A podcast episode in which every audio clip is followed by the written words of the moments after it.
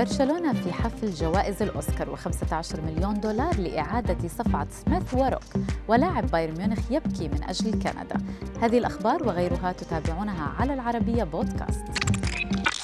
شارك نادي برشلونة الإسباني بحفل جوائز الأوسكار لكن على طريقته الرياضية حيث نشر صورة لأربعة من نجومه مرفقة بالجملة الشهيرة And the Oscar goes to وكان أمام الجماهير البرشلونية الاختيار بين هدف ميسي أو هدف لنيمار أو هدف لسيرجيو روبرتو أو أفضل تصد من ترشتيغن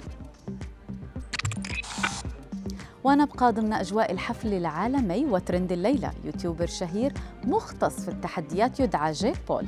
عرض مبلغ 15 مليون دولار لكل من ويل سميث وكريس روك مقابل نزال حقيقي بينهما على حلبته في أغسطس المقبل بعدما صفع سميث مقدم حفل الأوسكار روك في الحفل. ويتابع اليوتيوبر المشهور بالتحديات أكثر من 20 مليون متابع من حول العالم. في بث مباشر على إنستغرام لم يستطع ألفونسو ديفيز لاعب بايرن ميونخ إخفاء دموع الفرح بتأهل منتخب بلاده كندا إلى المونديال.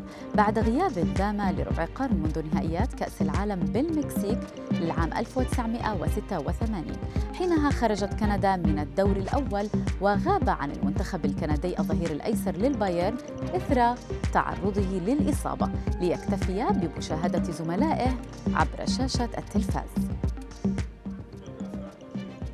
في لقطة طريفة استقبلت مشجعة للمنتخب السنغالي بعثة المنتخب المصري وهي تهتف ساديو ساديو خصوصا عندما اقترب محمد صلاح ليتولى زميله في المنتخب ونجم جلطة السراي التركي محمد مصطفى راية الدفاع رادا عليها صلاح صلاح وسط ضحك صلاح. على طريقة النجم البرتغالي كريستيانو رونالدو احتفل إنزو ابن الظهير البرازيلي مارسيلو وذلك بعد مباراة لفريق ريال مدريد للفئات السنية ضد ليفربول الإنجليزي. وقال مارسيلو الوالد تعليقا على الاحتفالية رونالدو مثل عم ابني ولما لا يحتفل بنفس طريقته كما نتابع الاحتفالية.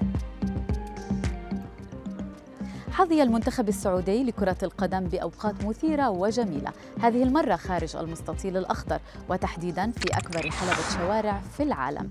جدة حيث أقيمت جائزة السعودية الكبرى للفورمولا 1 المنتخب السعودي المتأهل إلى مونديال قطر التقى بالعديد من النجوم من بينهم ديل بييرو والذي لم يصعد منتخب بلاده إيطاليا إلى النهائيات.